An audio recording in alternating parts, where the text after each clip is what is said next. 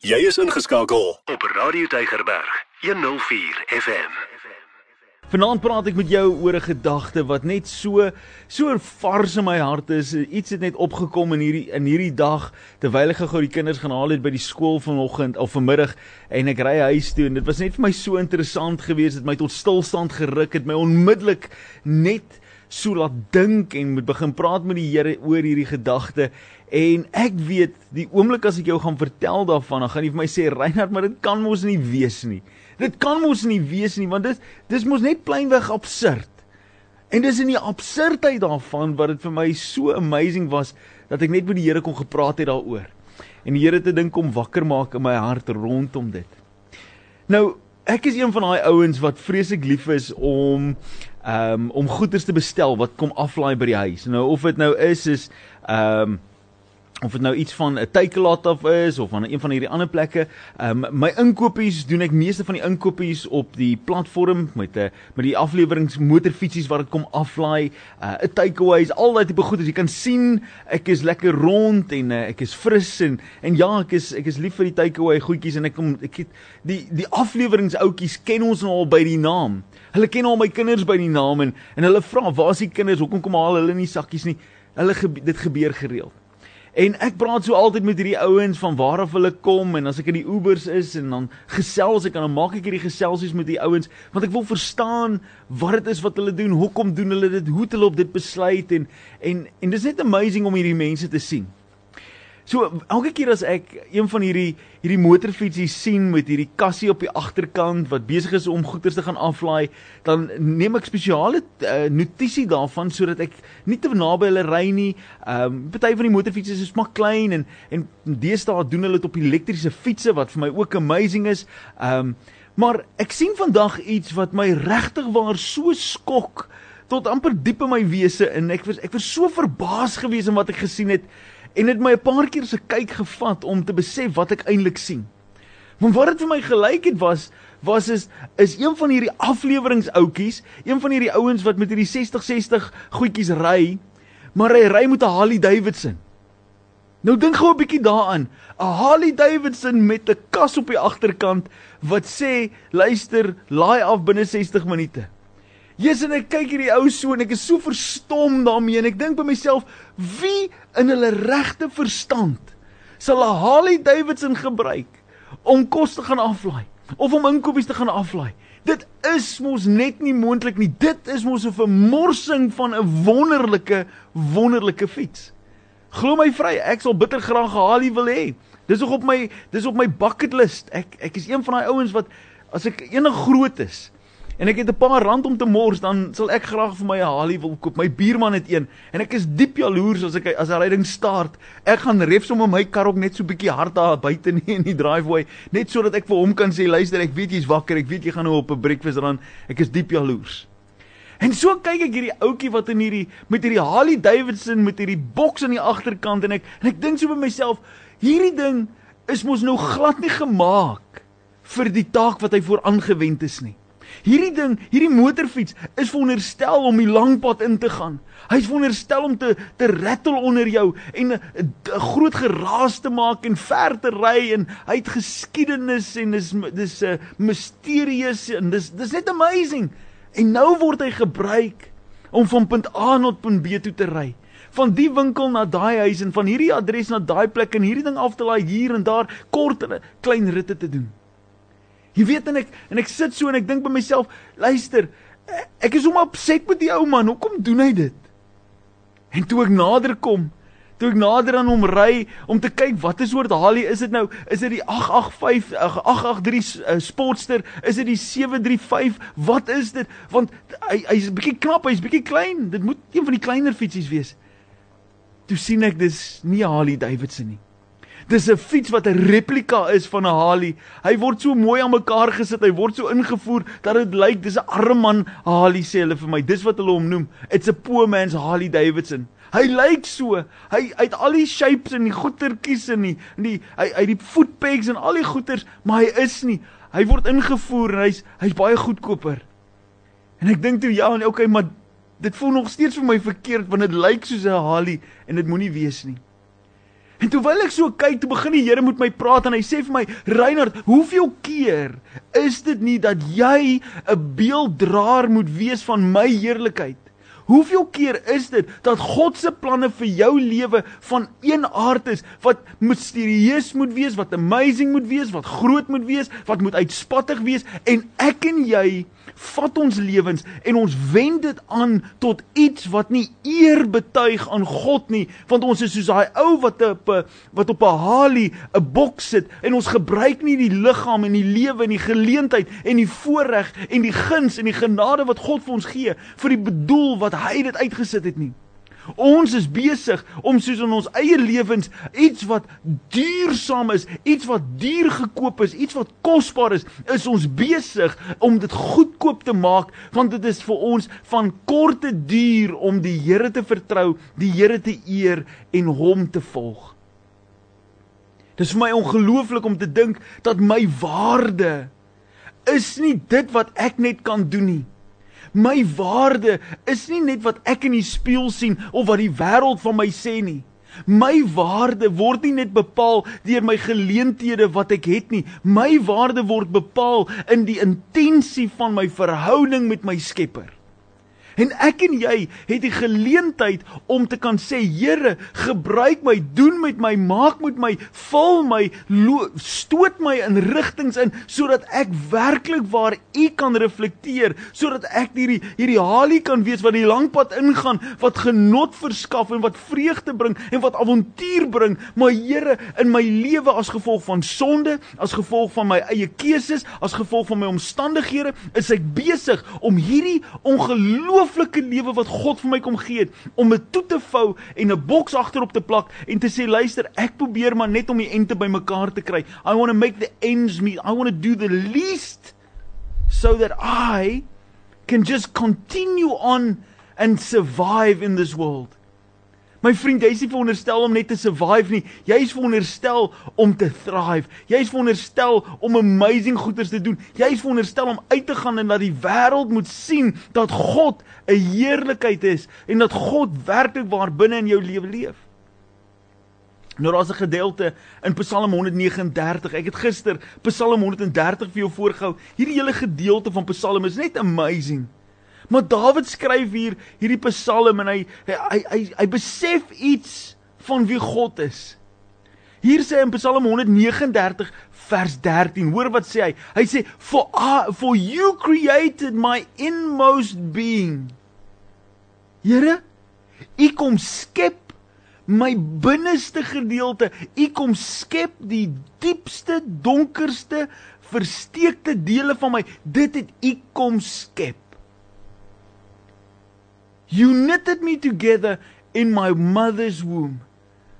So beteken God toe hy jou gemaak het, toe hy gedink het aan jou, toe jy nog nie bestaan het nie, toe jy nog 'n glinster in jou pa se oog was, toe het God al aan jou gedink. En het hy 'n plan gehad en het hy 'n doel gehad en het hy 'n rede gehad hoekom hy jou aan mekaar wou sit. En dan sit hy daar dan sê hy dat hy vat jou en hy vorm jou en hy maak jou in jou ma se moeder skoot. Hy sit jou bymekaar. En hy kom vul in jou in 'n droom en 'n passie en 'n rede om hier te wees. En dan gaan hom Dawid verder in Psalm 139 vers 14. Hy sê I praise you because I am fearfully and wonderfully made. Jy sien dis daai Harley Davidson gedeelte dat ons dink ons is 'n poggie wat getrap moet word en, en ons probeer maar net van punt A na punt B gaan en God sê nee, toe ek jou gemaak het, toe maak ek jou wonderbaarlik. Ek maak jou amazing. Ek maak jou dat mense na jou kyk en sê, "Wow, wat is dit? Wat is hierdie ding wat God gemaak het? Hoe amazing is dit? Hoe groot is dit? Hoe hoe uitspattig is die wonderwerk van God in hierdie ou se lewe?" En dis my motivering elke oggend as ek opstaan is om te sê Here, ek wil nie net 'n alledaagse ou wees nie. Ek wil nie net die ou wees wat 'n bietjie stap en 'n bietjie gaan en en nie 'n indruk maak op die wêreld nie. Ek wil instap en ek wil hê die wêreld moet hoor dat God is saam met my. Reinhard is hier en dis nie omdat Reinhard great is nie, maar dis omdat Reinhard iets beleef van God en God werk deur hom en loop deur hom en wanneer ek praat wil ek hê mense moet hoor dat Jesus in my lewe is. En as ek vir mense bid, dan wil hulle Jesus beleef, nie my beleef, my greatness en my grootheid nie, maar ek moet besef dat God het iets amazings kom doen in my en wil amazing goeders doen deur my. Dawid gaan verder in daai vers. Hy sê, "I praise you because I am fearfully and wonderfully made. Your works are wonderful. I know them full well." Jy sien, dis wanneer ek besef dat God wonderwerke doen. Wanneer God werklik waar sy waarde kom beklemtoon vir my en vir jou wanneer ek besef dat God na my kyk en hy sien die volle prentjie, die volle potensiaal. Hy sien nie net die gemors wat ek en jy maak as gevolg van ons slegte keuses, as gevolg van ons ons dinge wat ons doen wat wat nie great is nie in ons en ons verkoop onsself vir vir 'n klein tydelike stukkie genot. En dink 'n bietjie aan jou eie lewe. Die dinge wat jy doen. Die dinge wat jy partykeer doen net om beter te voel. En dit kan wees om 'n bietjie in die diep in die bottel te kyk. Dit kan wees om daai sigarette te rook. Deesdae is dit baie aanvaarbaar om dwelmmiddels te gebruik soos dagga en en olietjies en al sulke tipe goedjies net om beter te voel. Baie mense gebruik 'n klomp medikasies net om te sê ek voel beter. Dis vir my lekker. Mense doen goeders, hulle dobbel want hulle wil ontsnap van die finansiële probleme en ons doen hierdie goeders om beter te voel oor onsself. Ons slaap rond met vreemde mense want dit voel vir my lekker in plaas daarvan om te sê Here, U het my uitgekies en gespaar vir 'n kosbare persoon in wie ek 'n verhouding moet wees. Ons doen baie keer goeders. Ons gaan kerk toe wanneer dit ons pas, wanneer dit vir ons maklik is en lekker is en wanneer ek ietsie wil hoor by die pastoor, wanneer dit wanneer ek regtig die Here nodig het. Maar as ek klaar rugby gekyk het Saterdag en my kop is bietjie seer, dan gaan ek nie kerk toe gaan nie Sondag nie, want want dan is dit nou weer bietjie te moeilik om kerk toe te gaan. Dan's dit bietjie ongemaklik want jy weet, dan moet ek vroeg opstaan. Vriend, jy het meer waarde as dit. Jy het meer doel as dit. God het jou gekies vir groter dinge as net nie dit wat gemaklik is. Dit wat net lekker kon wees. Ek sê vir jou daar's niks in hierdie lewe wat vir my lekkerder is as om die Here te dien nie. Daar's vir my niks dinge in hierdie wêreld wat vir my meer genot verskaf as om die Here se naam groot te maak, om so met jou te gesels vanaand en te weet dat as jy sou gehoor gee aan die roepstem van God wat uitroep na jou toe vanaand, wat sê dat hy 'n plan met jou, hy het 'n rede vir jou, hy hy het 'n doel met jou lewe en as jy dit besef dat jou lewe sal verander, dan's vir my min goeders beter as dit. En daarom doen ek dit. Ek doen dit Nie omdat dit my net laat goed voel nie. Ek doen dit want dit verheerlik God. Ons het 'n waarde. Jy het 'n waarde. En jou waarde word nie bepaal nie. Ek het dit net nou gesê, jou waarde word nie deur jou bepaal nie. Jou waarde word deur God bepaal. En dis nie die doel vir my en jou om te probeer ontdek wat ons waarde is nie. Die oomblik wanneer ek en jy God ontdek, en ons verhouding met hom versterk en ons tyd in sy teenwoordigheid spandeer, tyd in die woord spandeer, dis dan wanneer ons God se opinies begin ontdek en dan vorm ek nie meer 'n wêreldse opinie nie, dan hoor ek wat God sê van my en wie ek is en wat ek is. Jy sien die wêreld sê vir jou vind jou waarde. Discover wie jy is en wat jy is. Die wêreld is so gemaklik om vir my en jou te sê, besluit jy wat jy wil wees. En dan moet ander mense daarbey inval. Sê jy hoe mense jou moet identifiseer? Sê jy hoe mense moet sê hoe hulle met jou moet praat? Sê jy wat mense jou moet noem? Al die tipe goeders. Luister. As jy jouself gemaak het, dan kan jy bepaal wie en wat jy is. As jy jouself aan mekaar gewewe het en jouself jou eie planne gemaak het, jouself aan aan die lewe gesit het, self lewende asem in jou longe ingeblaas het, selfs dan het jy die geleentheid om te bepaal wie en wat jy is. Maar as God jou geskep het, as hy jou sorgvuldig aan mekaar gewewe het in jou ma se moederskoot, as hy jou fearfully and wonderfully made gemaak het, as sy werke oor jou lewe groot is en amazing is, dan is sy opinie oor jou lewe dit wat saak maak, nie dit wat jy hoor in die media en in die wêreld en wat hierdie hierdie aktivis en daardie persoon moet sê van jou om jou waarde te bepaal nie. Jou waarde word bepaal deur God en hy sê jy's fearfully and wonderfully made. Hy sê jy's kosbaar. Hy sê jy's jy's waardevol genoeg dat hy sy seun Jesus gestuur het om te sterf aan die kruis sodat jy nie verlore hoef te gaan nie, maar dat jy die ewige lewe kan hê. Vriend, jy is vanaand hier omdat God meer vir jou instoor het as wat die wêreld het vir jou op hierdie oomblik. Jy's meer werd. Jy's soveel meer werd. En jy's meer werd daarin as om jou lewe op te gee omdat dit net te moeilik is. Jy's meer werd as om daai pille te drink. Jy's meer werd lewendig in God se hande as wat jy dink dalk beter sou wees om 'n einde te maak aan jouself. Jy is meer werd in hierdie wêreld as dit. My vriend, jy is soveel werd dat God na die uithoeke van die aarde toe sou gegaan het om jou te gaan vind. Hy sê dit in Lukas, sê hy, die skaapwagter Al het hy 99 skapies wat bymekaar is, wat lekker is, wat wat alles doen wat reg is, wat al die regte besluite maak, wat al die kerkdienste bywoon, wat al die mooiste gewoon goeders doen. Daar's 99 uit die 100 bymekaar is en een is verlore, dan sê hy dan los hy die 99 want hulle gaan agter mekaar kyk. Hy gaan soek die een wat verlore is en my vriend, jy vanaand voel dalk asof jy so verlore is, God sal jou nooit weer kan kry nie. Ek wil vir jou sê, God is by jou, draai net om. God stap saam met jou, draai net om. Draai terug na die kruis toe, die kruis van lewe, die kruis van genade, die kruis van vervulling, die kruis van vryheid en vreugde. Dit was nie vreugdevol vir Jesus aan hy kruis nie. Dit kan ek jou waarborg.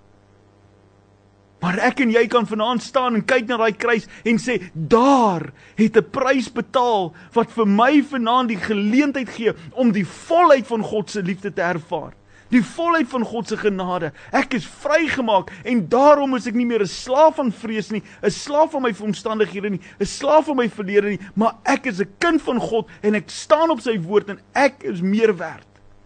Verstaan jy jou waarde? Verstaan jy jou waarde vanaand? Want glo my, God se opinie is ver groter as die opinie van die wêreld. En ek wil vanaand saam met jou bid wil vanaand saam met jou bid en ek, en ek weet sommer dat jy vanaand dalk op daai plek sit.